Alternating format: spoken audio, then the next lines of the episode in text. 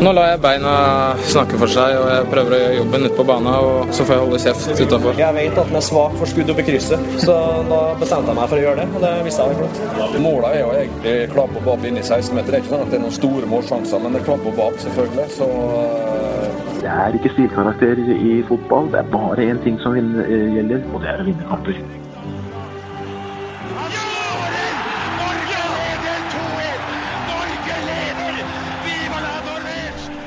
Og der er uh, toppfotball tilbake igjen. Håvard, velkommen tilbake i studio. Tusen, tusen takk. Hyggelig å være her. Du er her uh, selv om jeg det er halv dag i dag, så du, så du kommer deg på, på, på, jobb her hos oss. Ja, det er jo siste virkedag før påske, så ja. da tenkte jeg ok, da får jeg stille opp og, og ta din, uh, den drøye timen det tar å lage toppfotball for folket. Ja. ja. Det er fantastisk. Vi, vi, setter pris på at du er her. Tusen takk. Takk, takk for meg. I stolen ved siden av meg, en, eh, en, en, en legende. Altså, vi, vi, hører han to ganger i, i, i uh, introen. Uh, han er jo den mest markante fotballkommentatoren som selvfølgelig har, har vært i, i, i nasjonen. Ja. Uh, så det sånn, sånn, er det bare. 871 kamper, inkludert over 100 landskamper. Arne Skeie, velkommen tilbake. Takk for at jeg får komme. Det er stort å være her. Det er hyggelig. Og det er jo, vi må jo si også at vi, Arne har vært der og lagd eh, VM98 spesial og VM94 spesial, og det er jo det er jo to som våre lyttere. Du ser at det er mange som vender tilbake, og det er mange får nye lytting på, på de episodene stadig, Arne. Han var kun med på 98, tror jeg. Eller var du med på 94 også? Jeg var vel i hvert fall med på 98, ja. jeg, jeg, ble litt usikker. Hvem er det som var på 94? Jeg tror det er bare oss jeg, som sitter og prater. Ja, vi sitter og prater uten Arne. Det er jo helligbrød. Vi kan ikke prate om VM. Hvordan skjedde det? Uten at Arne var her. Nei, det er, nei, det er sant. Vi får ta en remake. Ja, må ha en remake ass. For å øke kvaliteten litt.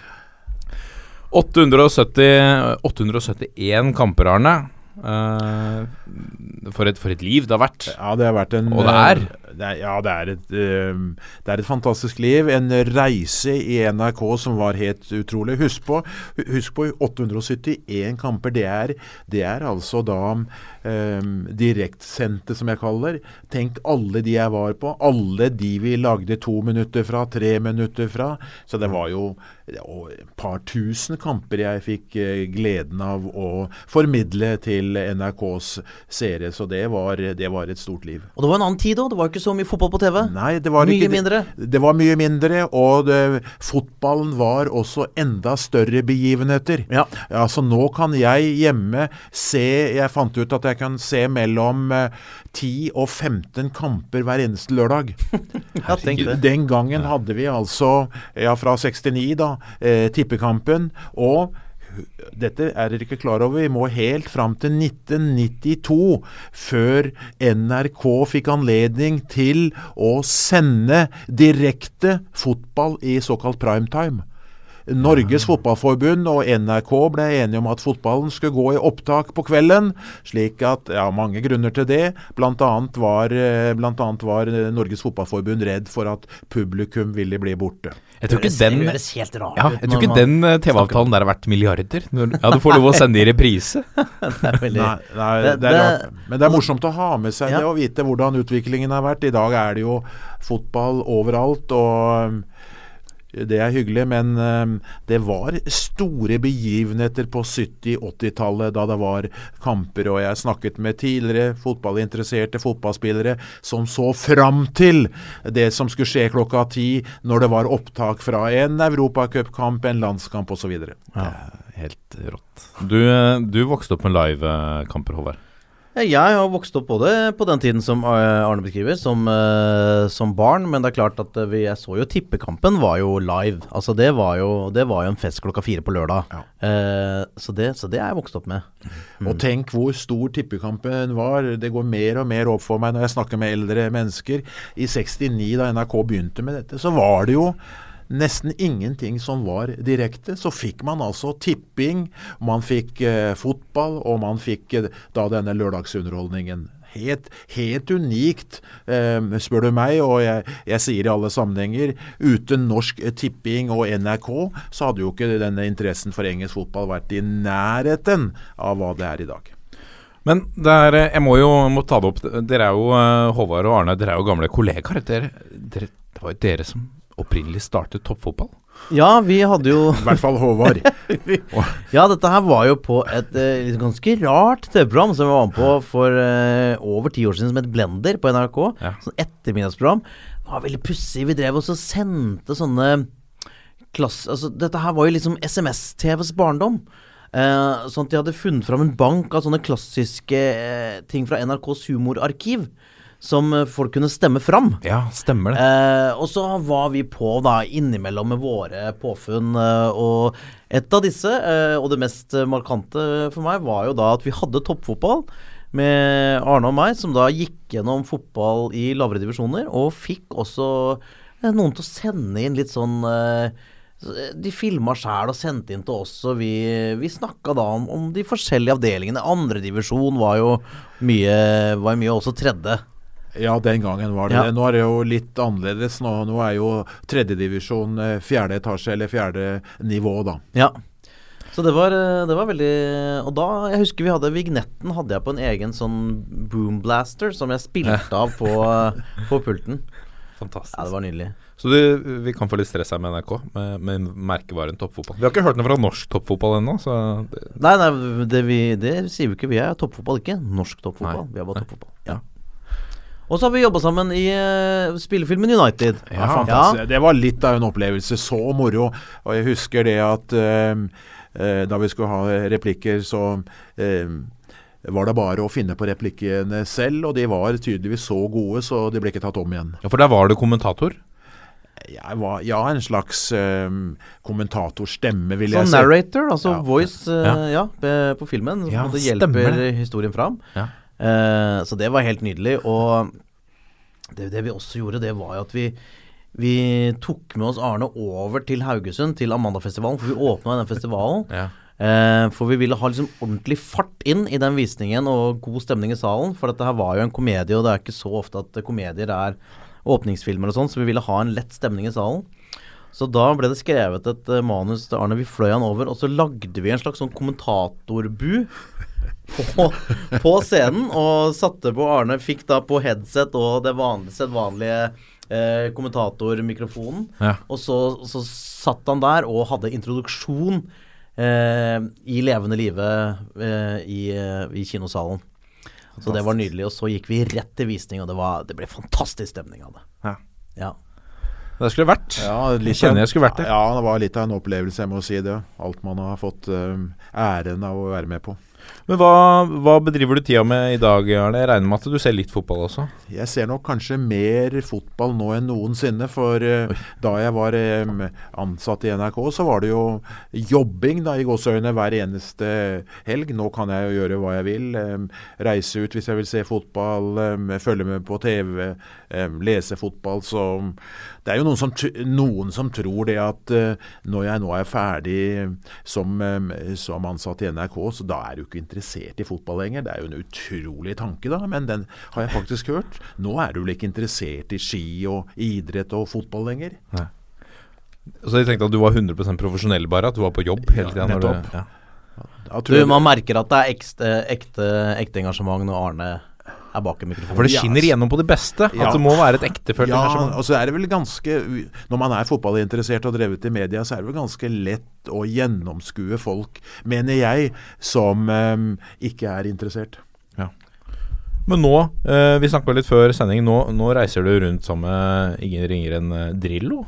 Ja, nei, Egil Olsen og jeg har vært så heldige at vi har blitt invitert til en, en del norske byer for å lage eh, quiz. Og quizen inneholder selvfølgelig da geografi og fotball. Har du et uh, quiz-spørsmål til lytterne eh, nå, som du kan dra fram? Ja, da, da må jeg si en ting før han sier det. Ja. At da vil jeg at dere som lytter på, da skal dere prøve å svare på dette. Og da er det ikke lov å google når sitter dere hjemme. Lett å jukse. Dette her skal du prøve å få til uten hjelp av internett. En påskekviss. Men du kan jo ta et spørsmål som ikke er lett å finne på Google heller. Ja, kan jo gjøre det. Det er jo veldig, veldig mange spørsmål å ta. Men vi kan, nå snak, har vi snakket mye om eh, fotball. Vi kan kanskje ta et hoppspørsmål, da. Og spørsmålet er som følger. Eh, hvem er den eneste nordmann som har vunnet tre medaljer i ett og samme OL? I hopp. I hopp. I hopp, ja. Ja, ja. ja det er Har du et fotballspørsmål da, på, på rappen? Ja, vi har jo mange, vi har jo mange fotballspørsmål, selvfølgelig. Jeg kan jo ta jeg kan ta eh, to, da. For tar jeg ett, så buer eh, de som ikke liker Liverpool. Og eh, derfor tar vi både Liverpool og United. Jeg skal ha den første kapteinen i Liverpool og i Manchester United som ikke er fra Storbritannia eller Irland. Oh. Det er en uh, god påskequiz. Ja, det er en god quiz, ja.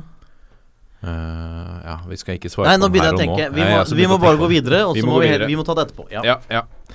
Men nå, du, eh, du følger jo norsk eh, fotball eh, tett. Eh, Eliteserien, Obos-ligaen, vi skal snakke mer om de seinere. Men du har jo også et, eh, et favorittlag i hjemkommunen, eller eh, hva er det vi snakket om forrige gang du var her? Aftenposten skrev at Arne Skeie er mest sannsynlig den eneste som fortsatt sier Skedsmo, og ikke Skedsmokorset.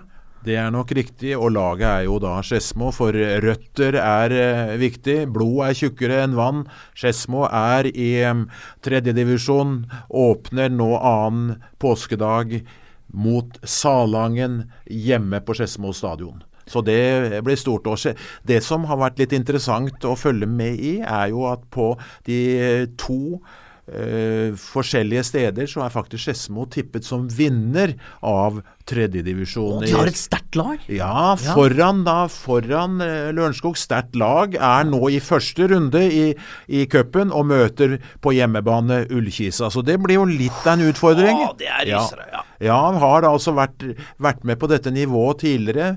Tapte mot Strømmen for uh, seks år siden. Tapte mot Lillestrøm i første runde for uh, fire år siden. Og nå er det altså Ullkisa som kommer til Skedsmo stadion.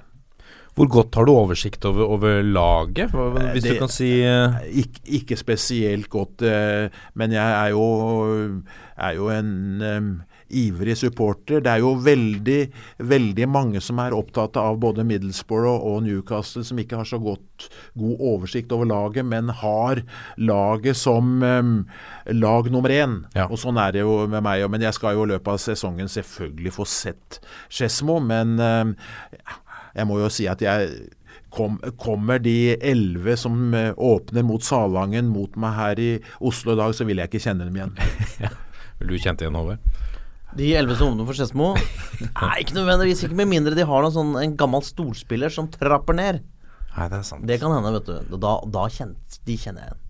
Men Skedsmo er eh, tydeligvis eh, en av eh, favorittene i sin avdeling. Jeg har også sett at jeg tippa høyt opp. Eh, det blir spennende å se. Vi skal få Jørgen Kjernås eh, sine tips til eh, breddefotballen også, Håvard, litt seinere. det, det gleder jeg meg til, for da får vi ordentlig dybde. Ja.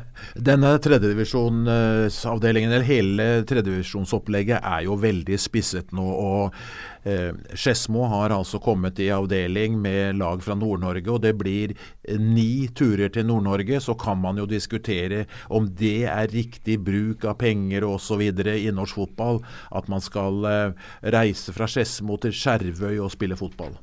Er ikke det litt av sjarmen? Vi kan jo ikke begynne med bare å ha regionalserier heller.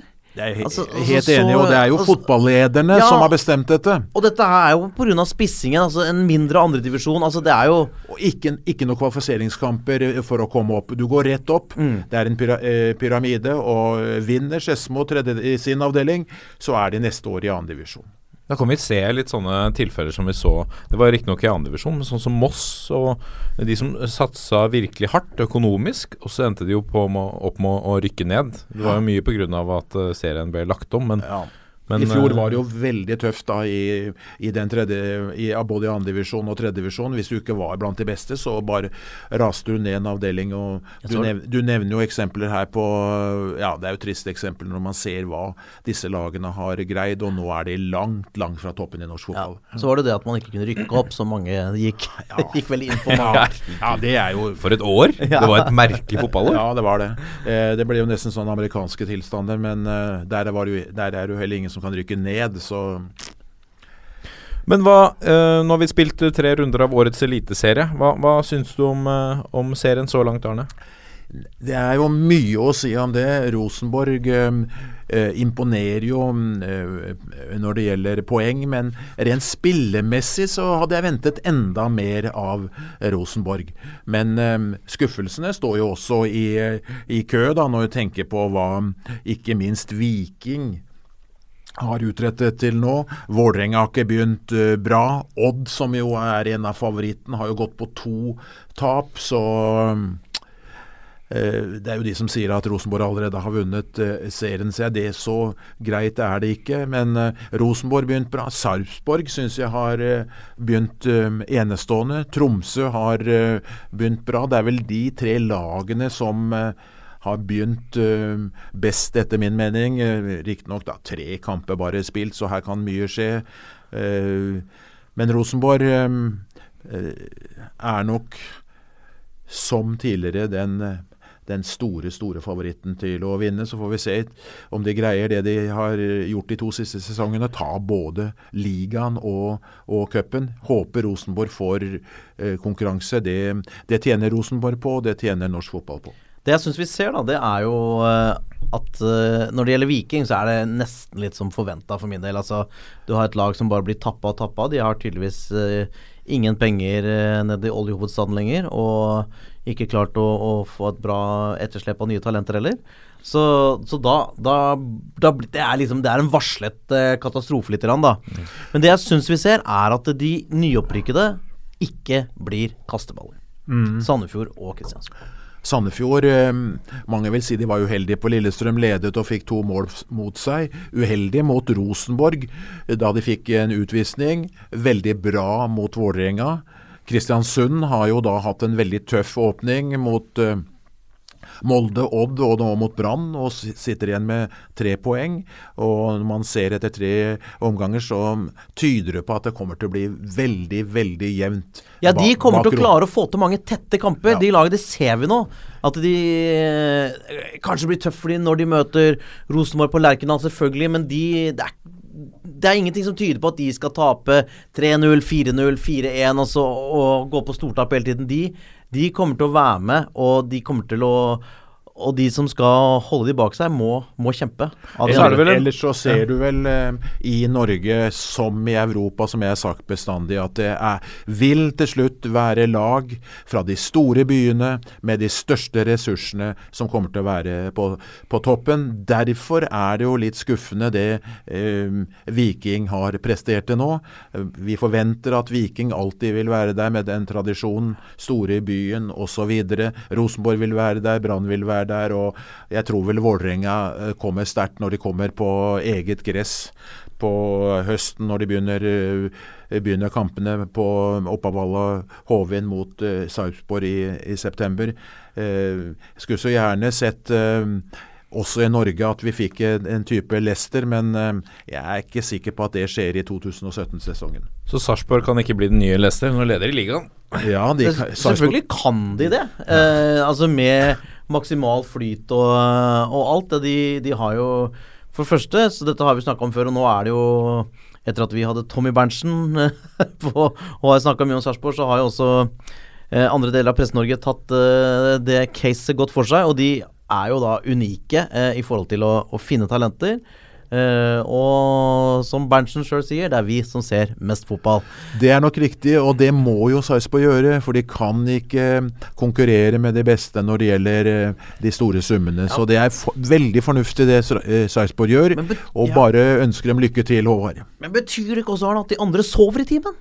At de andre ikke jobber hardt nok? Det kan du vel eh, kanskje si, og så kan du si det at det er veldig lett å kjøpe spillere fra utlandet istedenfor å gjøre den jobben som eh, eh Sarpsborg 08 gjør. Det er klart Hvis du skal ha et lag som både skal være et, eh, sterkt For at nå, det som er med Sarpsborg En ting er at de, de leder uh, Eliteserien nå, som jo selvfølgelig Det er tre runder og alt det der, men de har da gjort mye riktig i mange år.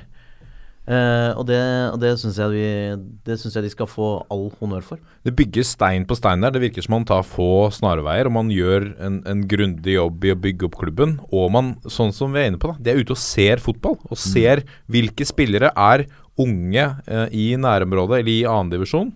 Uh, Ikke bare nærområdet, nasjonalt annendivisjon. Og så henter de de, og så gjør de dem til toppspillere. Men vi får, jo, ja. vi får jo tro at de andre klubbene også har eh, speidere som er ute. Jeg vil jo tro det at i 2017 så kan det ikke bare være Sarpsborg som er ute og ser eh, spillere i annendivisjon, førstedivisjon og selvfølgelig er det ikke det. Men, men det er liksom likevel et eller annet de har gjort lenge som er, eh, som er imponerende, som bare viser at de, de bare ikke gir seg. Og de har jo også en veldig sånn tydelig strategi i forhold til hvilke type spillere De skal ha spillere som tåler mye trening, fordi de skal ha en oppofrende spillestil med høy energi og, og fokus på høyt press og gjenvinning. Og så er de tydelige i forhold til den filosofien, og så ser du hvor du får dem.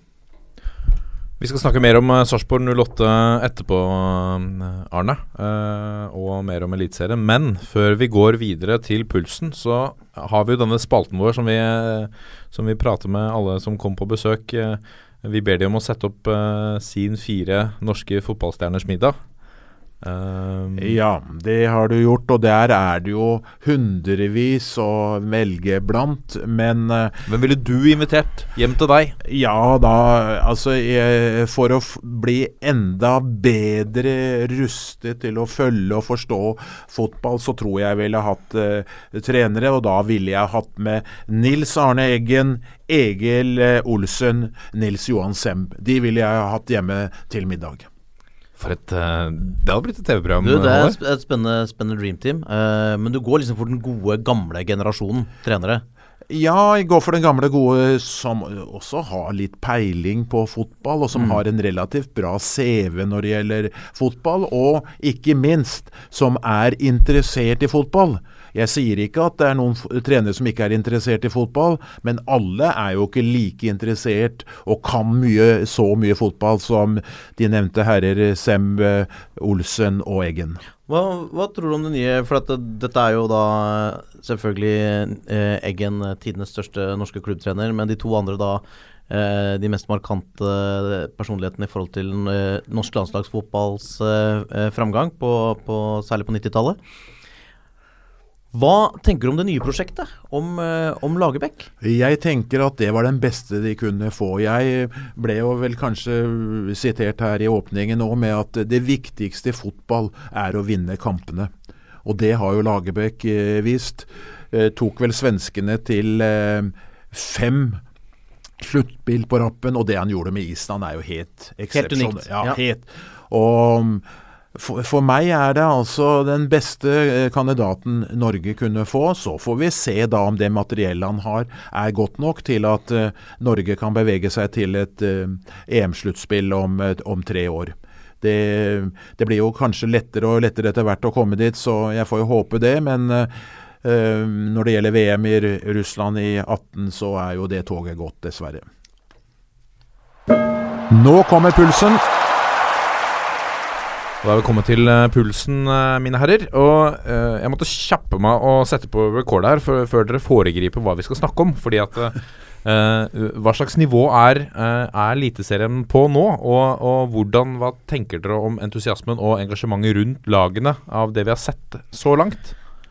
Det, det, det handler jo mye om uh, hva slags nivå uh, lagene leverer på, selvfølgelig. Uh, du har jo for mindre steder, mener jeg, der vil man ofte tenke at det er bare stas å ha et eliteserielag, ikke sant?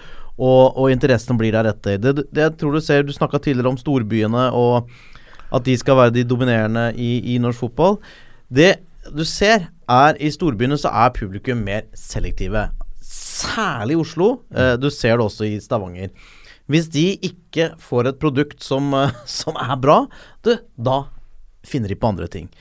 Og, og det, det, det, det, kommer vi til å se. Og, og hvis eh, er, Jeg mener det er ikke gitt at storbyene skal være dominerende De norske storbyene skal være dominerende i norsk fotball.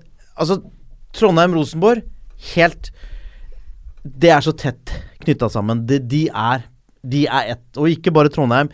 De har regionen. Altså, de har De har vært veldig, veldig flinke der, i motsetning til eh, kanskje, eh, kanskje no, eh, Oslo, Stavanger, eh, Bergen. Eh, gjort en fantastisk jobb i, i Midt-Norge, Rosenborg. Og publikumstallet mot Molde er jo imponerende. Norsk fotball, 20 000 mennesker.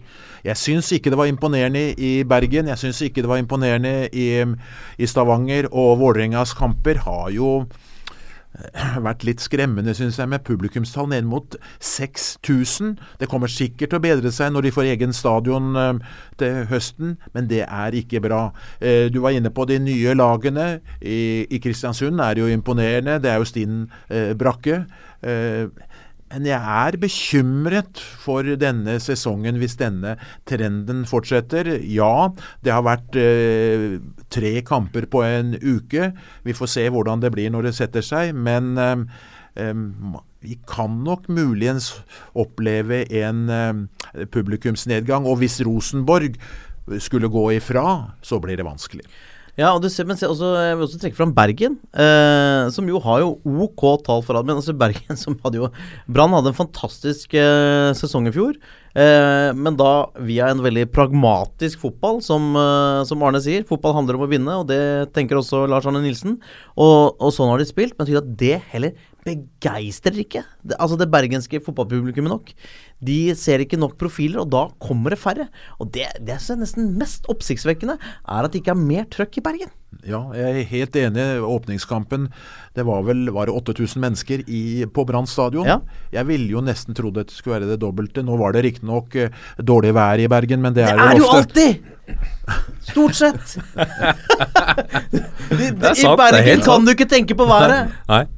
Men, men, er det noe med Vi var inne på det. Er det noe med eh, disse storbyene, så har vi så mange andre ting å gjøre. I Stavanger så har de Stavanger Oilers som de går og, ja, og ser på isteden. Det er jo selvfølgelig et viktig poeng i Stavanger hvordan Oilers har tatt over og vunnet det eh, norske mesterskapet år på år. Og når ikke Viking da vinner og ikke har profilene og ikke har eh, nok local boys, som det heter, så det er klart at da er det vanskelig. Ja, ja Håvard? Nei, og du ser jo også i, i, i, her i Oslo med, med Vålerenga at, eh, at, publikums uh, tålmodighet med Prosjekt Deila har jo da i forhold til oppmøtet vært ekstremt lavt. Mm. Det er tydelig at de venter først. Må han levere, så skal vi vurdere å komme. Ja, for Det er litt sånn klassisk, man venter til, ja, til, til det fungerer. Like, ja, men likevel så hadde jeg ventet uh, på åpningskampen mot Viking langt, langt flere. Ja. Det er um, ny sesong, det er vår, det er den første uh, fotballkampen. Og så kommer det ikke flere mennesker. Oslo ja. er ikke en fotballby. Det må vi bare kunne fastslå. Men er TV-rettighetene, har, uh, har, har, dette noe å si oppi dette? Har det blitt for mye gode kamper på TV? Er det ja, Det som jeg tror har noe å si, er jo tilgangen til utenlandsfotball som holder høyere kvalitet. Mm. Fordi eh, norsk fotball handler jo om eh, ofte Nå har vi jo diskutert litt kvaliteten på norsk fotball, som jo er varierende. Eh, både på klubb- og landslagsnivå.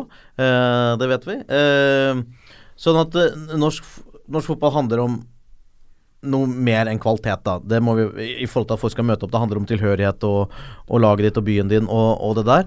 Men det er klart at når du har på TV Du har tilgang til all den beste fotballen som spilles i verden på, på, uh, på klubbnivå, så da, da men, det er en, ja, men det er en liten del allikevel som ser den fotballen fra utlandet. Vi skal være så ærlige. Jeg er så heldig at jeg har denne, uh, denne forskningen og ser hva folk ser på. Det er uh, det er ikke veldig, veldig mange som ser uh, utenlandsfotball. Det er fælt å si det, men så, det er Da tenker du på bortsett fra engelsk? Altså. Ja, er det, er det, i den store sammenheng så veldig, veldig mange som ser engelsk fotball? Jeg stiller spørsmålet.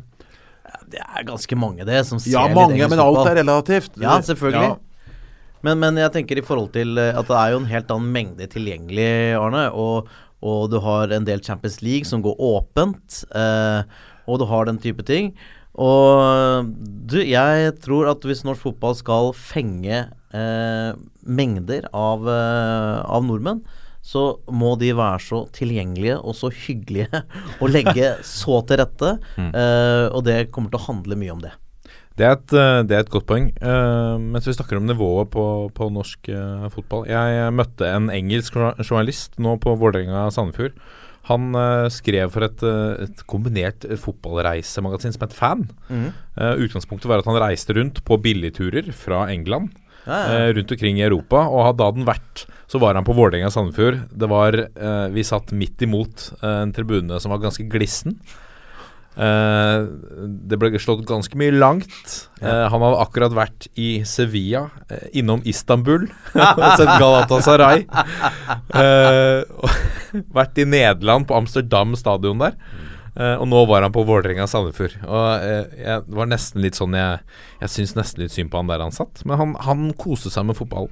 ja, det er bra, det. Eh, men, han, men så snakket vi litt om dette nivået. Vi er jo også en mye, mye mindre nasjon enn Spania og Tyrkia. Ja. Ja, Men, men så snakket du om nivået. Så spurte han hva, hva av det du har sett, spurte han i pausen hva, hva tenker du om nivået, og da mente han at eh, rundt Han sammenlignet det likt med League One i, i, eh, i England. Mm. Så, hvis, så vi må ha to, to divisjoner under, under Premier League. Er dere overraska over, eller Nei. enig uenig i den Nei, altså Det er jo hans oppfatning, og eh, hvor vi står, det får vi, eh, får vi jo først et uh, svar på når vi er ute i disse um, turneringene, i um, kvalifiseringene for Euro, Europa League, for, uh, for Champions League. Da får vi vite hvor vi står. Vi har jo nå fått uh, et um, klart eh, bevis på hvor vi står når det gjelder landslaget, og så får vi se til sommeren da hvor vi er hen. Men eh, jeg, jeg tror vel kanskje at øh, jeg tror vel at eh, Vålerenga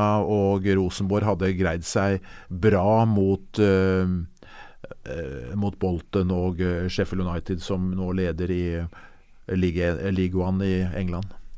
Hva tenker du, Håvard? Jeg tenker Rosenborg hadde klart seg bra mot Ja. dem. Mot Kanskje. League One? eh, Og kanskje, Serien. og kanskje Sarpsborg 08. Hvis vi, tar, eh, hvis vi ser på det, det du er inne på, da, Arne, med, med hvordan vi gjør det i Europa. Jeg har plukket ut, eh, eller hentet ut Uefa-koeffisientene for eh, hvordan det ser ut i Europa. Der ligger vi vår, eh, Vårt land eh, ligger bak Nå ligger vi bak Kypros. Så sånn sett så vurderes den kypriotiske fotballen som høyere enn den norske.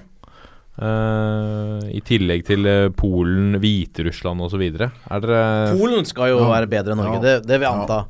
Nå tenker vi Eh, på ligasystem, altså ligaen her, altså. Ja, den polske ligaen mer penger enn tippeligaen, Ja. eller eliteserien som det Og de beste lagene er kanskje vel så gode, med Ja. Lecce, Lecce Warszawa og men, og Kypros har jo fått et tilsig av mange utenlandske spillere og har jo vært med i har vel vært med i eh, Champions League etter at eh, Rosenborg har vært med der, så det overrasker kanskje ikke så mye. Men eh, at Hviterussland skulle være så mye bedre, det er vel kanskje tvilsomt.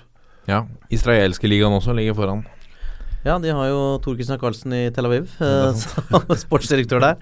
Eh, så der har vi et norsk innslag i en, en liga som er bedre enn vår egen. Burde fått noen poeng Men for det.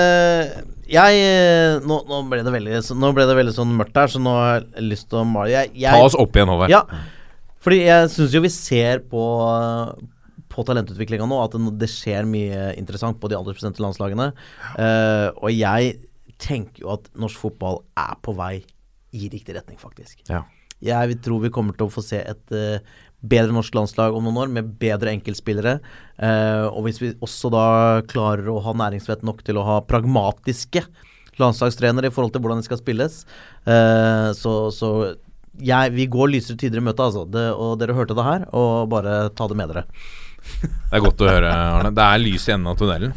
Ja, men um, samtidig så blir det jo vanskeligere og vanskeligere når vi vet at det er over 50 føderasjoner, la, land i Uefa. Det, det blir ikke lett nå å, å hevde seg i Champions League. Nå får vi den nye regelen om at de fire beste landene skal ha med eh, 16 av eh, de lagene som er med. Og da er det ikke plass til veldig, veldig mange andre. Og eh, i hvert fall ikke lag fra, fra Skandinavia. Så tøffere og tøffere blir det, det er ingen tvil om.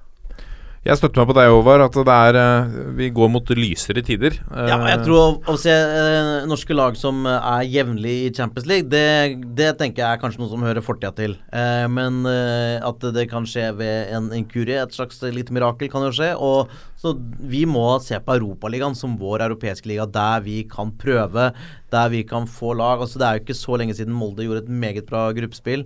Eh, sånt må vi prøve å få igjen. Få lag inn i, i gruppespillet der.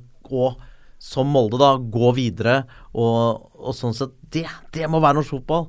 Eh, og jeg, jeg kan ikke se altså, at Rosenborg skal begynne å kvalifisere seg jevnlig igjen for Champions League, Arne.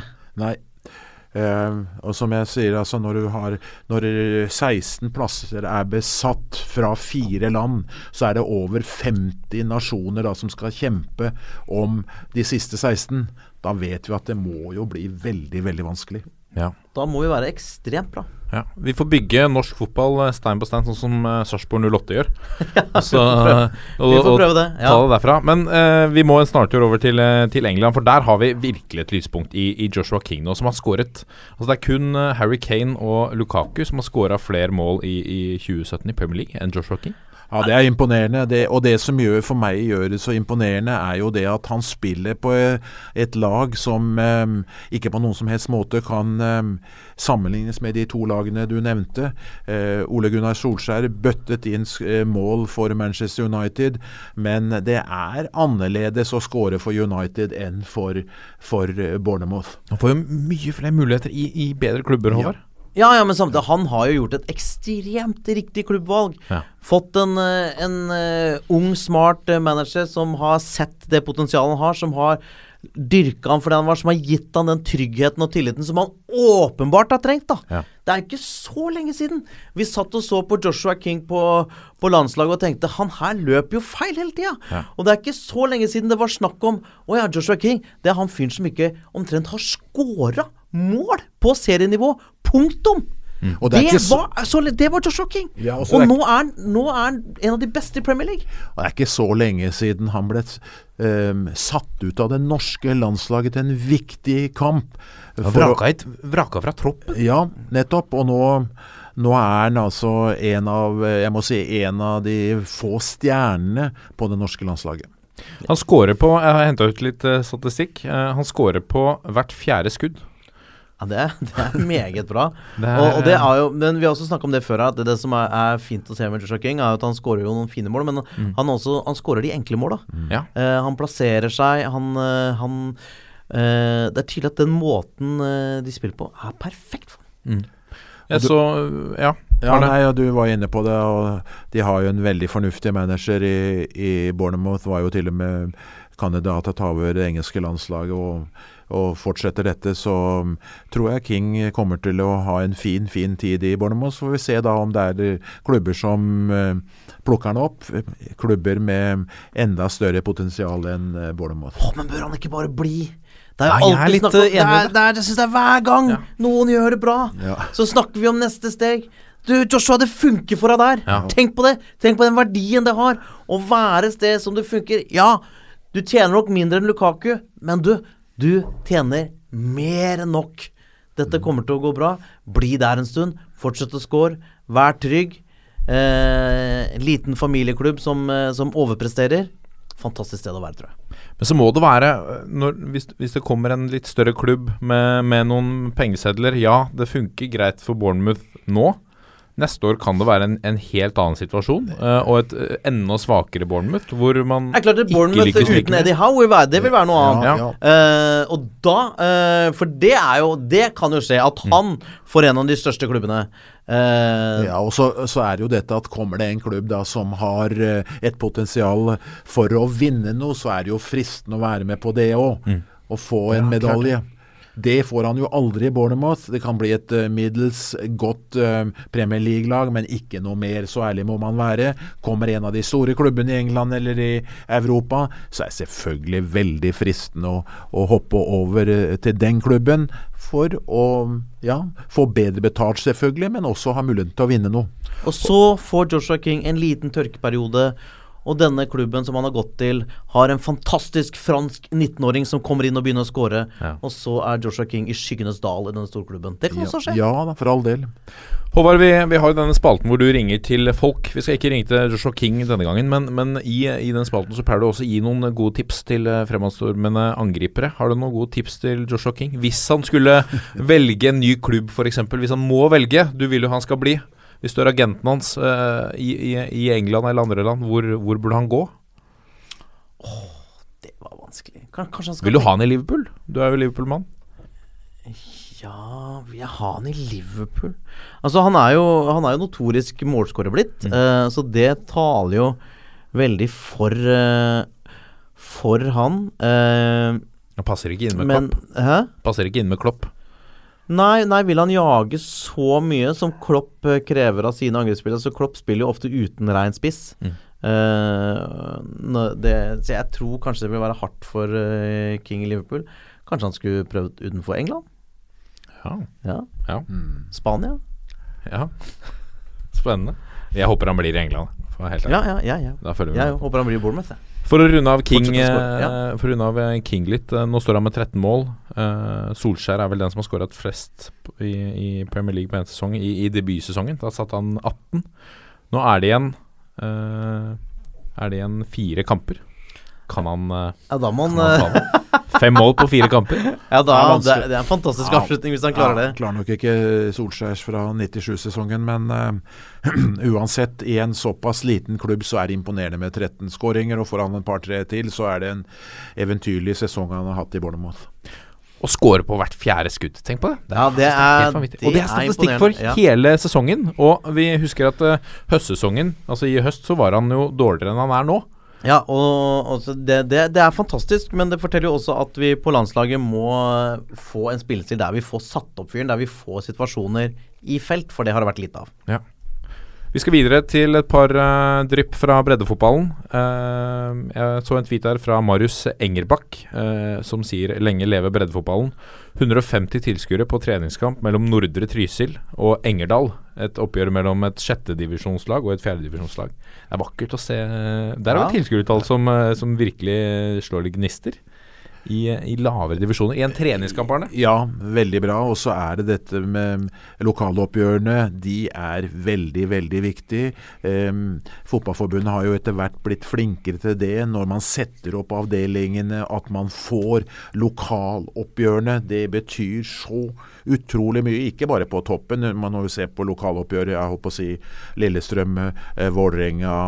ehm, Rosenborg-Molde, men også nedover. At du får den typen oppgjør. Det betyr uh, mye for uh, det lille stedet. At, uh, da, snakker, da snakker man ikke bare fotball, men da snakker man om også andre ting. Så har vi en, en potensiell, kanskje en, en Vardi. Man er litt over det toppe, Håvard. Jeg har fått et tips fra Geir Steinstad om at Åsgutten fotball i femtedivisjon Nå har de henta en toppskårer fra tredjedivisjon. I Rune Johnsen eh, fra Verdal. Han bøtta inn eh, mål eh, for de eh, i fjor. 21 mål på 24 kamper i, i tredjedivisjon. Nå skal han spille femte. Oi, du verden, han går ned. Hva Han er, går ned. Er det lønn? Er det betaling? Hva er det som skjer? Er det, er det mer enn kjøregodtgjørelse? Skal jeg ta dere gjennom karrieren til Rune Johnsen? Det det? Han startet i Nessegutten, gikk til Levanger i 2009. Fikk 30 kamper på tre år. Fikk det ikke til i Levanger, som var vel toppsatsinga hans. Ja. Og så gikk han til Neset i 2015. Der skåra han eh, Hvor er Neset? Ja, det er, det er jo i Nord-Trøndelag. Trøndelag, ja. Ja. Fikk eh, 37 mål på 51 kamper der. Og så rykka de ned. Ja. Og så gikk han da til Verdalen. Uh, og da de ikke klarte, og da ga han eh, eh, toppfotballkarrieren sin et siste forsøk, og så klarte ikke de opprykk. Eller de ble jo ikke noe opprykk, da. Uh, og da tydeligvis så har han tatt steget ned og nå til Åsgutten, som spiller på Åsen Sparebank Arena. Å, han, han skal spille med liksom gamle kompiser og sånn nå? Ja, jeg tror kanskje det, Ja, altså. ja. Bøtte inn mål oppå der. Ja, men dette er jo ikke Altså, han er jo en en sjarmerende målskårer i lave divisjoner. Kommer jo til selvfølgelig, hvis det er et noenlunde eh, fungerende kollektiv, til å skåre veldig mye i femte. Ja. Eh, men han er jo ikke årets Vardi.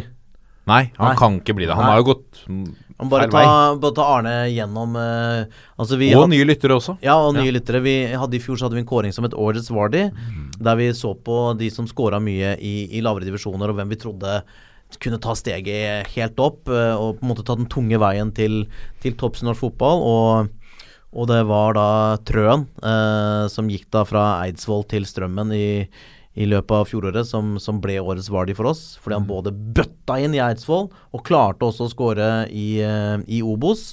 Eh, og vant hårfint foran Endre Kupen.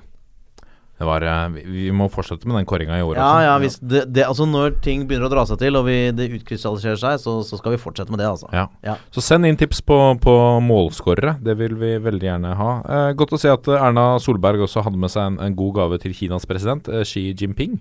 Eh, hun ga bort en fotball. Det syns jeg, jeg er fint, det. Hva, hva er symbolikken der? Skal, skal de, de Altså, hvis de, Jeg skjønner jo at Kina har lyst til å bli gode i fotball, men det er vel neppe Norge de ser til? Nei, nei, nei, det var, jeg syns det var litt sånn pussig Nå hoppa vi rett eh, videre til det, men, men jeg syns det var en litt sånn pussig sak. Et bilde der hvor hun tar en, et avspark i en uh, turnering i Kina, og så hadde med en fotball i gave til den kinesiske presidenten. Kanskje det er flere norske spillere som har lyst til å prøve seg i Kina, fordi det er eh, godt betalt, og så skal hun være som en slags katalysator. En døråpner. Lars, eh, Lars Sætra spiller jo nå på Er det neste øverste nivå i Kina? ja, Tidligere godsestopperen. ja.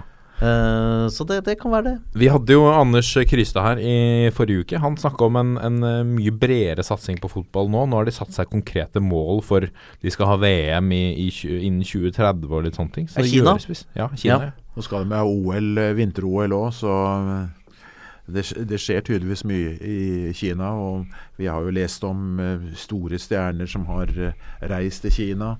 Vel først og fremst pga. Uh, betaling og honorar og, alt det der, der. Vi får se. Det er uh, vanskelig å spå om uh, framtida, men eh, skulle de få også fotball-VM, så ja. Jeg vet at Lars Sætra syns det er veldig lange reiser til bortekampene. Ja, det, Han syns det er litt vel lange reiser. Ja. For der snakker vi tidssoner og sånn. ja, det er jo det er et svært land, så du må reise litt, ja. det, er, det er enda verre enn for Skedsmo, det der. Det er ikke, det er ikke mulig. Dette er toppfotball. Og så skal vi se fremover mot eh, neste eliteserierunde, som jo er eh, andre påskedag til mandag 17. april. Og da må folk eh, komme seg ned fra fjellet og komme ut og se fotballerne. Det må de, og det er som alltid mange interessante kamper å, å gå på her. Er man, er man i eh, Stavanger, så vet man hva man skal gjøre. Er man i, i Molde osv., så, videre, så det er bare å komme seg på fotball. Vi kan begynne med, med komplett.no Arena. Sandefjord fotball mot Kristiansund. Altså de to nye ja, nykommerne. Det er spennende. Ve er veldig spennende. Eh, Jeg syns begge lagene har eh, kommet veldig godt i gang. Fått eh, tre poeng. Sandefjord vært innom det. Uheldig, vil mange si, på Lillestrøm. Også det, dette at de fikk utvist en spiller mot Rosenborg, at det var, ble en vanskelig oppgave. Og så slo det borte mot Vålerenga. Ingen hadde trodd det. Kristiansund, tre veldig vanskelige motstandere, og står der med tre poeng. Det, for meg er det en kamp jeg vil helgardere. Um, vanskelig å finne eh, argumenter for at eh, Kristiansund er en sikker eh, seierherre, at Sandefjord er en eh, sikker seierherre. Da er det lett å ty til eh, uavgjort i den matchen. Ja, og det er det ikke, men det er jo samtidig, som du sier, to lag som, eh, som, har, som har imponert. Både ved at de har karakterpoeng, men også at de har vært med i, i matchene de har spilt. Og, og Flamur Kastrati, eh, tidligere Godset Reject og Ålesund Reject. Nå får han en ny vår, altså. Ja. Eh, får endelig spille spiss. Eh, var jo som flanke i, i godset uten å, å på en eller annen noensinne liksom klare å claime eh, plassen som sin. Har jo alltid hatt høy energi i spillet sitt, men, men var ofte hadde litt dårligere taktiske valg etter gjenvinning. Men som boksspiss så ser du han har jo en veldig aggressivitet. Eh, så det er eh, alltid fin gutt. Det unner jeg han òg. Så, så her er det altså Og jeg tenkte jo før sesongen så tenkte jeg at eh, Kristiansund de kommer til å ha med seg en sånn unik energi. Den derre fjerde for første gang på, på alle de år, og, og, og det gjør noe eget med energien i klubben. Så det tenkte jeg de kommer til å ta med seg. Men at Sandefjord er såpass bra, det, det er en pos- overrasker positiv overraskelse. Ja. Ja. det er, Og mot, uh, mot uh, Vålerenga, jeg var og så den eh, kampen, så, så er det, det er en taktisk godt gjennomført kamp. Lars Bohin var veldig fornøyd med hvordan de gjorde det der. Uh, Ja, hvordan ser den Når de, når de spiller med denne det 3-5-2 som blir om til 5-3-2, hvordan, hvordan ser det ut? Ja, de, de hadde et eh, Bohin, Jeg var litt uenig med Bohin. Han sa at, eh, at de, hadde veldig, de hadde stort fokus på å ta rommet foran sine stoppere. De har jo tre stoppere i, når de ikke har ballen. Ja. Uh, det klarte de ikke like godt som, som han, han sa, syns jeg. Mm. Uh, men det er klart at det er uh, Når du litt senere i sesongen, hvis du hadde møtt Vålerenga da, med Gya Saeed og den trioen der, og du gir Gya Saeed det rommet uh, foran der, og han er litt bedre i form, så hadde de nok slitt mer. Ja. Nå var det litt prega av at uh, Saeed hadde ikke en kjempegod match, han heller, og fikk det ikke helt til å stemme. Um, men Sandefjord er jo uh, De står støtt i den uh, 5-3-2 som det blir, eller når, de- når de ikke har ballen. Og så blir det jo spennende nå å se. Nå må de jo fram og angripe. For det er jo fort gjort at Kristiansund legger seg bakpå og skal kontre. Og de har jo tippeligaens egen Messi i Kammer Kaka. Det, Ja, fantastisk. Hadde jo et, hadde jo et raid nå som Ja, ja. nesten ga mål, eh, mål mot Brann. Helt uh, vanvittig. Men vi nevnte Flamur eh, Kastrati. Uh, Håvard Storbekk i uh, veldig god form. Var involvert i det meste for Sandefjord offensivt mot Vålinga. så har vi denne nykommeren Markus Naglestad som har bøtta inn mål i, i lavere divisjoner, i andre divisjon. Eh, kun kommet inn som innbytter. Ja, hvordan ser han ut? Eh, har noe, han har jo ikke markert seg så veldig Nei. så langt. Han har spilt, eh, kommet inn litt som innbytter, men ikke noe Men de var vel veldig trygge bakover eh, Sandefjord. Så vidt jeg fikk med meg, så hadde ikke Vålerenga en skikkelig mulighet i første omgang. Ingen uh, målsjanser i første omgang, og det de skaper er på dødball. Så, så uh, vi kan snakke mer om Vålerenga etterpå, men, men eh, Kristiansund også. Det er alltid litt gøy å se litt nye bekjentskaper. Eh, Andreas Hopmark på stoppeplass, eh, som var veldig god mot, uh, mot Brann. Eh, og så har vi jo Kamer Kaka, som vi snakket om. Eh, og nykommeren Henrik Gjesdal også var veldig god på bekken mot eh, Brann. Så det er, det, er- det er alltid gøy med de nye lagene og, og stifte litt nye bekjentskaper. Veldig. Ja, og at det har greid seg så bra i, i denne første tøffe uka, det er, det er imponerende. Ikke, ikke utspilt eh, noe sted, og, og står altså med tre poeng. Ja. Må vi videre Sogndal eh, Strømsgodset, Håvard. Nå skal du få lov å snakke litt om godset. Det har du ikke gjort hele sendinga. Nei, nei Uh, det, Ja, tenk deg det. Uh, Sogndal heller har jo ikke hatt noen kjempestart. Eh, så, og der Jeg tenker jo at Sogndal holder seg. Eh, Hjemme, de var Ja. jo imponerende mot Stabæk. Da skåret uh, mange mål, men borte så er det vel Ja. Sogndal slik vi har sett de siste årene. Men nå er det på, på campusen der, og, og der, er de, der er de gode. Så jeg tror at vi lett kan få det tøft. Eh, eh, rett og slett. eh, Fordi sånn Jeg tenker sånn jeg har, jeg har jo litt sånn tanker opp i huet at det er noen trenere som nekter å, å rykke ned. Og jeg ser på Eirik Bakke som en sånn fyr. Ja. At han på en eller annen måte så sørger han bare for at du Vi blir. Han har den, den pondusen over seg. Så jeg tror at hvis eh, hvis eh, godset skal klare å få med seg noe der, eh, som jo det vil være mitt ønske, da må vi gjøre det bedre sentralt i banen enn eh, enn det vi har gjort. Eh, vi, den, det nye systemet, 4-4-2-systemet, har jo ikke fungert eh, optimalt. Vi har ikke hatt liksom spisser som, som spiller sånn veldig bra sånn 4-4-2 sammen. At du ser at de har en spesiell link, en møter, en stikker, og at du kan få der, de egne bevegelsene. Eh, det, det som blir spennende å se, er om, uh, om Skullerud velger å starte med Markus Pedersen, eller om han eh, kjører Engblom inn fra start. Eh, det, det tenker jeg er et valg som ikke er gitt. Hvorfor skal han vrake Markus? Nei, fordi han ikke har sett så veldig bra ut. Eh, han eh, han uh, har Altså, Hvis du sammenligner med Marco Togbajumi, andre spissen, så har- virker det som Åpna veldig bra. Ja, åpna veldig bra. Og jeg, jeg cappa jo Togbajumi på fantasy-laget mitt uh, fra første runde. Det har jo vist seg å være et bra valg. Han har jo den Han løper mye, han har presence. Det som gjør han liksom annerledes enn eh, enn Markus Pedersen, sånn som Markus er nå, er at Agbajumi han kan sette fart mot mål fra lengre bak i banen. Eh, så altså han kan han skape mer på, på egen hånd. Og så har ikke godset på en måte sett så bra ut, så det har ikke vært så mye å gjøre for Markus i boks.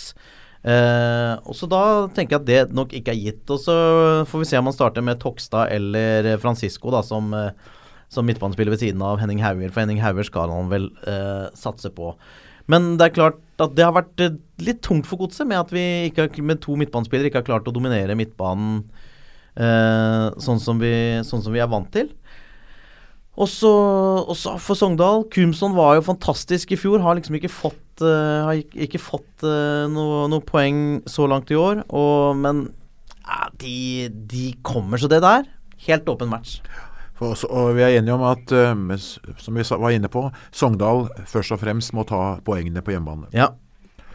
Skal vi til Ålesund. Bjørn Helge Riise var veldig offensiv før sesongen. Sa at han skulle, de skulle overraske alle som var dømt i nord og ned. Foreløpig så står de med ett poeng på de første tre kampene. Ja, Nå så- møter de Lillestrøm. Ja, og Lilles, eh, Det som har vært litt eh, rart med Lillestrøm, var jo at de var ikke spillemessig bra, kanskje heldige mot eh, i første kampen da mot Sandefjord. Så vil jeg si at de har vært uheldige. Stå med null poeng. Var bra både mot Haugesund og mot Molde. og og slapp unna med null poeng. Så dette er en, dette er en kamp som eh, det er veldig vanskelig å tippe utfallet av. Ålesund står med, som du sier, med det ene poenget. Lillestrøm eh, med, med tre. Jeg ser ikke for meg at eh, Lillestrøm taper nå tredje på rappen i, eh, i Ålesund. Samtidig så må jo Ålesund ha poeng, og de må jo først og fremst ta det hjemme, selv om det var tilfredsstillende det de gjorde på Marienlyst mot Strømsgodset. Ja, så De er jo på en litt oppadgående kurve, eh, sånn sett. Og, og dette, er, dette er jo to lag. Eh, som gitt, Nå har vi snakka før om, eh, om, eh, om Sandefjord og Kristiansund som, som ser brukbare ut. Dette er to lag som er potensielle nedrykkskandidater. Ja, er eh, Er du enig i det? Eh, Du har jo et lite, en liten del av hjertet tilhører Lillestrøm. Ja, stor del av hjertet tilhører eh, Lillestrøm. Jeg har jo tippet Lillestrøm et sånt sted mellom åtte og og tolv. Og med det, det de presterte spillemessig mot uh, Molde og- og Haugesund, det de skapte, tilsier at de kommer til å ta mange poeng. Og jeg, Ålesund hadde jo en fantastisk rekke i fjor høst. Så jeg ser liksom Jeg så ikke Ålesund heller for meg som et nedrykningslag. De, jeg gjør ikke det, altså. Fremdeles ikke. Det er tidlig, Nei. bare tre runder. Han har et Ja. godt poeng. Ja, Trond Fredriksen er, jeg har sett hos noen eh, lokale bokmakere at eh, han er den med lavest odds på at han får sparken først, som trener. Men der bytter du bare assistent oppå der. Ja. Så vi kan videre, gå videre til, eh, til Nadderud. Stabæks stolte hjemmearena, Ja. mer eller mindre. Eh, de møter Sarpsborg 08. Og Sarpsborg 08, som har eh, ni poeng og vært imponerende, får et eh, problem der. En utfordring som de selvfølgelig er klar over, og det er banedekket. Ja. Det er selveste serielederen som kom på besøk på Nadderud, Håvard. Ja, det, det, det er det altså. Og det selvfølgelig, det, det, trodde vi ikke før sesongstart. Men likevel er det ikke en så stor sensasjon at Sarpsborg er bra. Men det er klart, dette er jo også en sånn, som Arne sier, vanskelig å komme til, til Nadderud både med dekke og et absolutt decent uh, Stabæk-lag, som kanskje ser litt bedre ut enn det mange hadde forventa. Og tar de tre poeng på Nadderud, altså hvis Sarpsborg tar med dårlig dekke Får gutsa inn tre poeng der. Det som taler litt for Sarpsborg, er at de har en spillestil som er litt sånn um, Som handler om aggressivitet og å ligge høyt og bryte, sånn at de Jeg tenker at de kan kanskje stå bedre til en eh, I hvert fall sånn som de framstår nå, da. Selvfølgelig til en litt dårlig Nadderud-matte enn det Odd gjorde. Og vi snakker om enkeltspillere. Det skal bli veldig morsomt å se Tronsen igjen. Det Ja. kan Ja. være en av årets spillere i uh, Eliteserien. Og selvfølgelig som, som gikk fra, fra Stabæk da han ikke fikk spille i sin foretrukne Ja. posisjon av Det Bradley. er litt sånn Godt takk poeng. for sist. ja. Fire assist og én scoring på de tre første kampene. Anders eh, Tronsen. Det er, ekstremt bra Det er ganske bra. Ja. Herlige Og så har vi, syns jeg er fint, dette midtstopperparet der også, med, med Sigurd Rosted og, og Anders Østli. Litt rutine og, og litt ny Uh, Nytt blod inn i, inn i Og ujålete punch. ja. Ja, ja, virkelig. Ja. Og to skåringer Ja. sist, Sigurd Rosted. Eh, ikke i forrige runde, men Nei, ja, ja. runden før nå der. putta jo Østli nå. Østli nå ja. sist. Det er uh, skikkelig radar på, på Ja, det er å ha, å ha midtstoppere som også er farlige på offensiv dødball. Det er ikke alle forunt. Det, det veit vi, som har sett fotball. Jeg syns det er viktig å, å trekke fram her også uh, Hugo Vetlesen, som har starta alle tre kampene på Stabæks midtbane. 17-åringen. Eh, signerte proffkontrakt rett før uh, sesongen. Og, og Sakariassen! ja, Kristoffer Sakariassen på Sarpsborg. Ja, altså rett inn på laget. Eh, Henta fra andre. Og, og selvfølgelig også Patrick Mortensen. Ja, ja. Som har starta sterkt. Ja. Tre, tre mål på tre kamper. ja. Men Stabæk da med sin kanskje beste angriper ute, med skade. Har de ikke det? Med han- Ohi? Ja. Eller er Ohi inne igjen? Er Han, han eh, var inne mot Odd. Var, spilte, spilte siste matchen, Ah, beklager, beklager. Ja, hadde jo en del som- eh, sto, eh, Kunne fort ha putta på, hadde en del store sjanser. Ja. Han putta jo alle tre målene uh, da, han, da han skåra de tre målene sine. Så putta han alle tre innafor fem meter eller et eller annet. Nå bomma han uh, veldig mye mot uh, Odd, av de jeg så. Veldig mye sjanser som, som han ikke satte.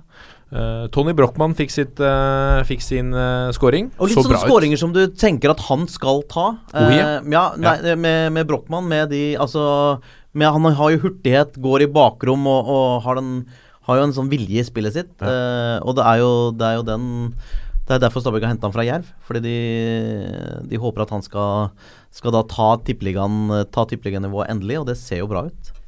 Det gjør det. Vi må rase videre til eh, Molde, Arne. Eh, de tar imot uh, Vålerenga.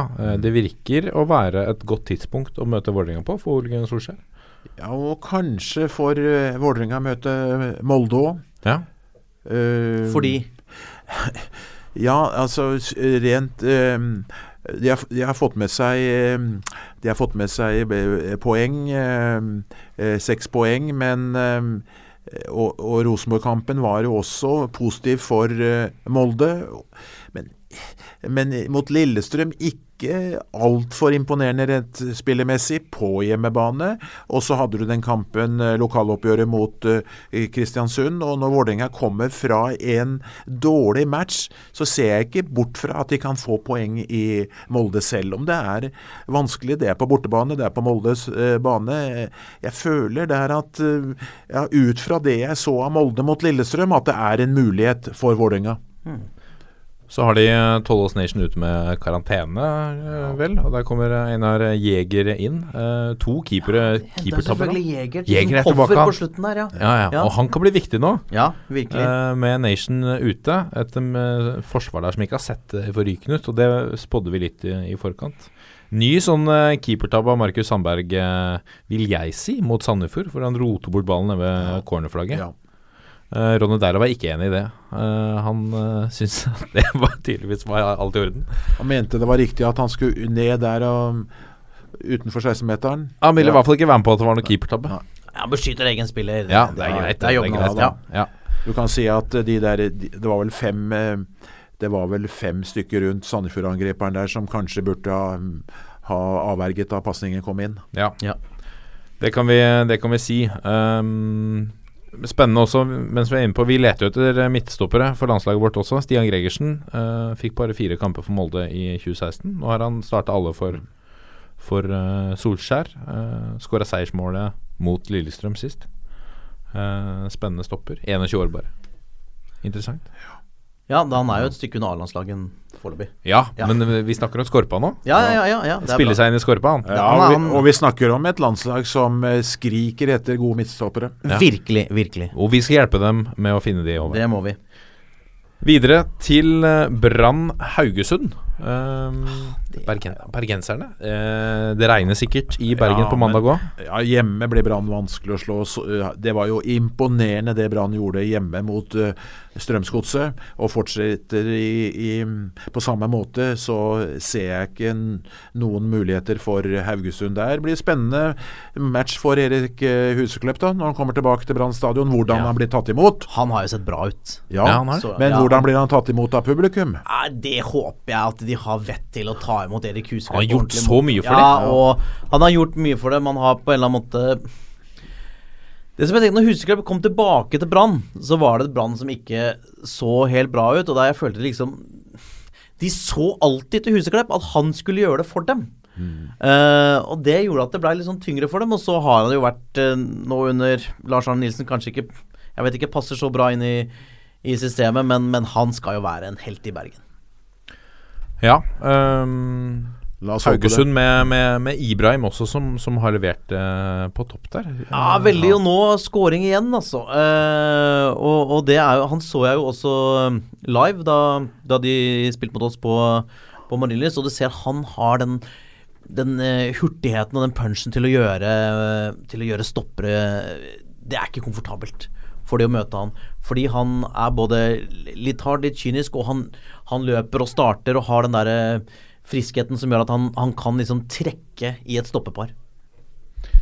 Til eh, Stavanger. Vi har vært innom det, mine herrer. Eh, det ser ikke så veldig lovende ut i oljebyen. Eh, Det gjør ikke det, men jeg stiller spørsmålet Ser vi for oss at Viking går på fire tap på rappen? Eh, De møter Rosenborg. ja, jeg vet det. jeg vet det, og eh, er, Vinner Rosenborg, så er de tolv poeng foran Viking etter fire kamper. Ja. Ja. ja. Det er, det, det, er mye etter fire Du kamper. sier at du setter pengene dine på hjemmeseier. Eh, jeg sier ikke det. Jeg, jeg, jeg må jo si det at det, det er jo med Rosenborg så er det selvfølgelig en kamp jeg vil helgardere. Um, men jeg ser liksom ikke for meg at Viking taper for fjerde gang på rad. Det blir jo tidenes svakeste åpning av eh, Stavanger-laget. Ja. Det, det, kan jeg, det ser jeg lett for meg. Arne. Ja. At de taper. Ja, Ser ut som et lag som er i fritt fall, altså. Ja, ja, ja, virkelig. Og, måtte sende Abdi til eh, Altså eh, Ibrahim til, til, eh, til Oslo og Vålerenga rett før seriestart fordi de ikke har penger til lønna. Altså det, det bare virker som om det er Ja, det, det ser bare trist ut. Og, og det er klart Viking nå er jo et lag som må spille 100% pragmatisk. Altså De må bare sørge for at eh, alle lag som skal ta poeng mot oss, må, de må sette opp et kollektiv der andre lag må fighte for å ta poeng, og så må de, så må de bare kjøre på. Og det er jo Ja, det vil være, det vil være rart hvis eh, Viking rykker ned. Åtte seriemesterskap. Det er litt av en match da. Rosenborg har vel 24. Det er jo, dette er jo kampen over alle kamper, da. I annen, det er jo ingen tvil om annen eh, påskedag. Nei, men samtidig så er det sånn jeg så på det andre oppgjøret. Altså du har eh, Brann Haugesund. Eh, så tenker du at oi, det er jo Altså hvis du tar under eh, Møre, da. At å, det er dette som er slaget om Vestlandet nå. Ja. Det er dette Ja. som er slaget om Vestlandet. Ja. Ikke Viking. Nei. Ikke Viking-Brann, men Brann Haugesund er slaget om Vestlandet. Og det må jo gjøre litt vondt i Stavanger at Haugesund er, har et så mye bedre fotballag. Ja. ja. Ja, for det har de nå. Ja. Virkelig. Og det kommer til å utkrystallisere Ja, seg. så er det vel kanskje ikke så eh, hyggelig for Stavanger-folk at, eh, at eh, Ulf Sandnes har begynt så veldig bra. Nei. Nei? Det er et godt poeng, det også. At de, de kjenner at de puster i nakken. Kan vi se Sandnes Ulf i Eliteserien neste år, og Viking i Obos? Vi kan se Det- Sandnes Ulf i, i, i toppen, det kan vi. Jeg har vondt for å se for meg at uh, storheten Viking skulle forsvinne. Skulle Er det hjertet eller hjernen som snakker her nå? Uh, det er, her er det først og fremst hjert, uh, hjertet, selvfølgelig. Eh, med, med den historien for å rase ned i, i, i førstedivisjon nå, det, blir, det er aldri lett å komme tilbake. Ja, det tror jeg de ville gjort. Og det, det jeg vil si altså litt mot det, da, det er at det er noen klubber som rykker ned, som du ser har hatt godt av det. Du har, sett det, du har sett det med Stabæk. Jeg tror kanskje vi er i ferd med å se det med Start. At eh, noen klubber de får rykka ned. De, de får bygget opp klubben sin på, på en litt annen måte, litt annen struktur. Eh, og så kan de komme tilbake sterkere.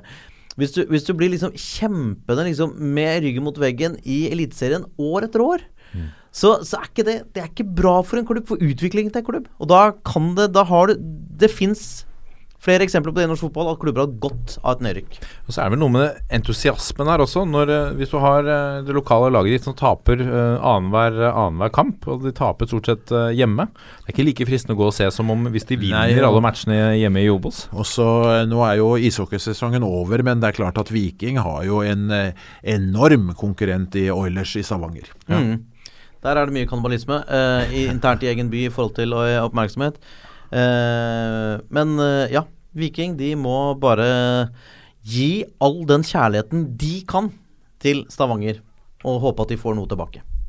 Skal vi avslutte uh, denne preview-sekvensen av uh, neste elite, eliteserierunde, holdt, holdt jeg på å si feil her, eh, til uh, Skagerrak Arena og Odd Tromsø. Og der har vi også Nå har vi bare spilt tre kamper, men Odd eh, har vel ikke imponert? Der har vi vel det, det tilfellet at Odd har ikke imponert, men det har Tromsø. Ja. Tromsø har kommet veldig godt i gang. Odd har, eh, som kanskje den, på forhånd den største utfordrer til Rosenborg, ikke begynt altfor bra. Så jeg ser vel ikke for meg at Odd taper på hjemmebane mot Tromsø etter det som har eh, skjedd i de siste kampene. Jeg vil tro at Odd der er favoritt, men eh, det å spå om framtida om fotball er vanskelig. Kan ikke se at Tromsø har eh, de kvaliteter som skulle tilsi at, eh, vi, at jeg nå på forhånd holder Tromsø som favoritt i Skien. Overraskende hvis de vinner på, på, på Skagerrak. Jeg, jeg tenker også det Jeg var Jeg tror jeg, jeg, Vi satte opp noen sånn eh, tabellting før sesongen forskjellige steder, og, og så eh, har ikke jeg alltid hatt like stor tro på Odd i denne sesongen som andre har. Fordi Odd presterte jo veldig bra i fjor, Ja. og de har kontinuitet. Men de har ikke styrka så mye. Nei, nei. Henta inn gamle kjenninger. Ja, og, og det er en eller annen måte Når du har hatt en sesong der du har ja, Det er farlig å si at Odd har overprestert, for de har vært solide lenge. Men likevel, hvis du sier at du har hatt en sesong der du har prestert mot det beste av det du kan, og så ikke styrker, så skal det ikke så mye til for at det dupper litt. Nei. Og Tromsø har, eh, har eh, imponert, som vi var inne på. Jeg så Hans eh, Nordby er en av kun en av Det er han og Magnus Andersen som er det eneste som er igjen fra stallen fra 2014. Ellers har de bytta ut alle. Eh, så det har skjedd ting der oppe. Og så har de ansatt en tidligere skiløper som uh, fysisk trener. det trakk han fram som uh, Han syntes at høsten eller vinteren han var tung, men nå var de tydeligvis ganske godt trent. Så det virker som det gir utslag. Nå slo de Sogndal 3-0 hjemme forrige kamp. Det er også en- et godt resultat, selv om eh, Sogndal Ja, ja, det er et veldig godt resultat. Og jeg tror jo, jeg tror jo, jeg tror jo Odd vinner mot Tromsø på Skagerrak. Eh, og så sliter jo med å skåre mål, Odd. Ocean har putta ett, og så er det Thomas Grøgaard. Ellers så er det stille. Agdestein har jo ikke fått det til eh, så langt, i hvert fall, etter han eh, Nei, han er så bra i Haugesund! Ja. Eh, virkelig ikke fått det til i, i Odd i det hele tatt. Men, men de Altså, dette De er jo gode hjemme. Det er, å, altså, men, men det jeg skal si, er jo at det viser seg igjen da, at norsk fotball er så tett at hvis du klarer å få et veldig bra trent kollektiv i Eliteserien, kommer du ganske langt. Skal vi si eh, Skal vi runde av eh, der, eller har dere noen, eh, noen ord helt til slutt som Altså som- Siden det er siste virkedag og, og halv dag, tross alt, så Ja. syns jeg det er kanskje på tide at vi, at, at, vi, at vi sier til lytterne at dette har vært veldig hyggelig. Ja. Ja. ja. tusen takk for at du kom, Arne, og delte av din kunnskap og visdom. Ja, veldig hyggelig å bli invitert. Visdom, kunnskap. Jeg er interessert. Jeg holder meg til det. Ja. ja, og du er engasjert, har vi vært eh, inne på tidligere i dag, og det merker vi. Alt en ære. Vi håper at du kommer tilbake, Ja, Blir jeg invitert, så mm, skal du ikke se bort fra at jeg kommer. Du blir invitert. Jeg tror det ordner seg. Vi er eh, Toppfotball på Facebook, Twitter og Instagram. Gå gjerne inn og legge inn en rating også, eh, så blåser vi den ut på lufta. Eller send inn noen spørsmål. Har du noen gode tips til målskårere nedover i divisjonene, så vil vi gjerne høre det. Eller generelt også gode stories fra Ja. Fotball-Norge. Og så avslutter vi som vi alltid gjør, eh, Håvard. Vi er en gjeng. Vi er en gjeng. Vi er en gjeng. God påske! God God påske!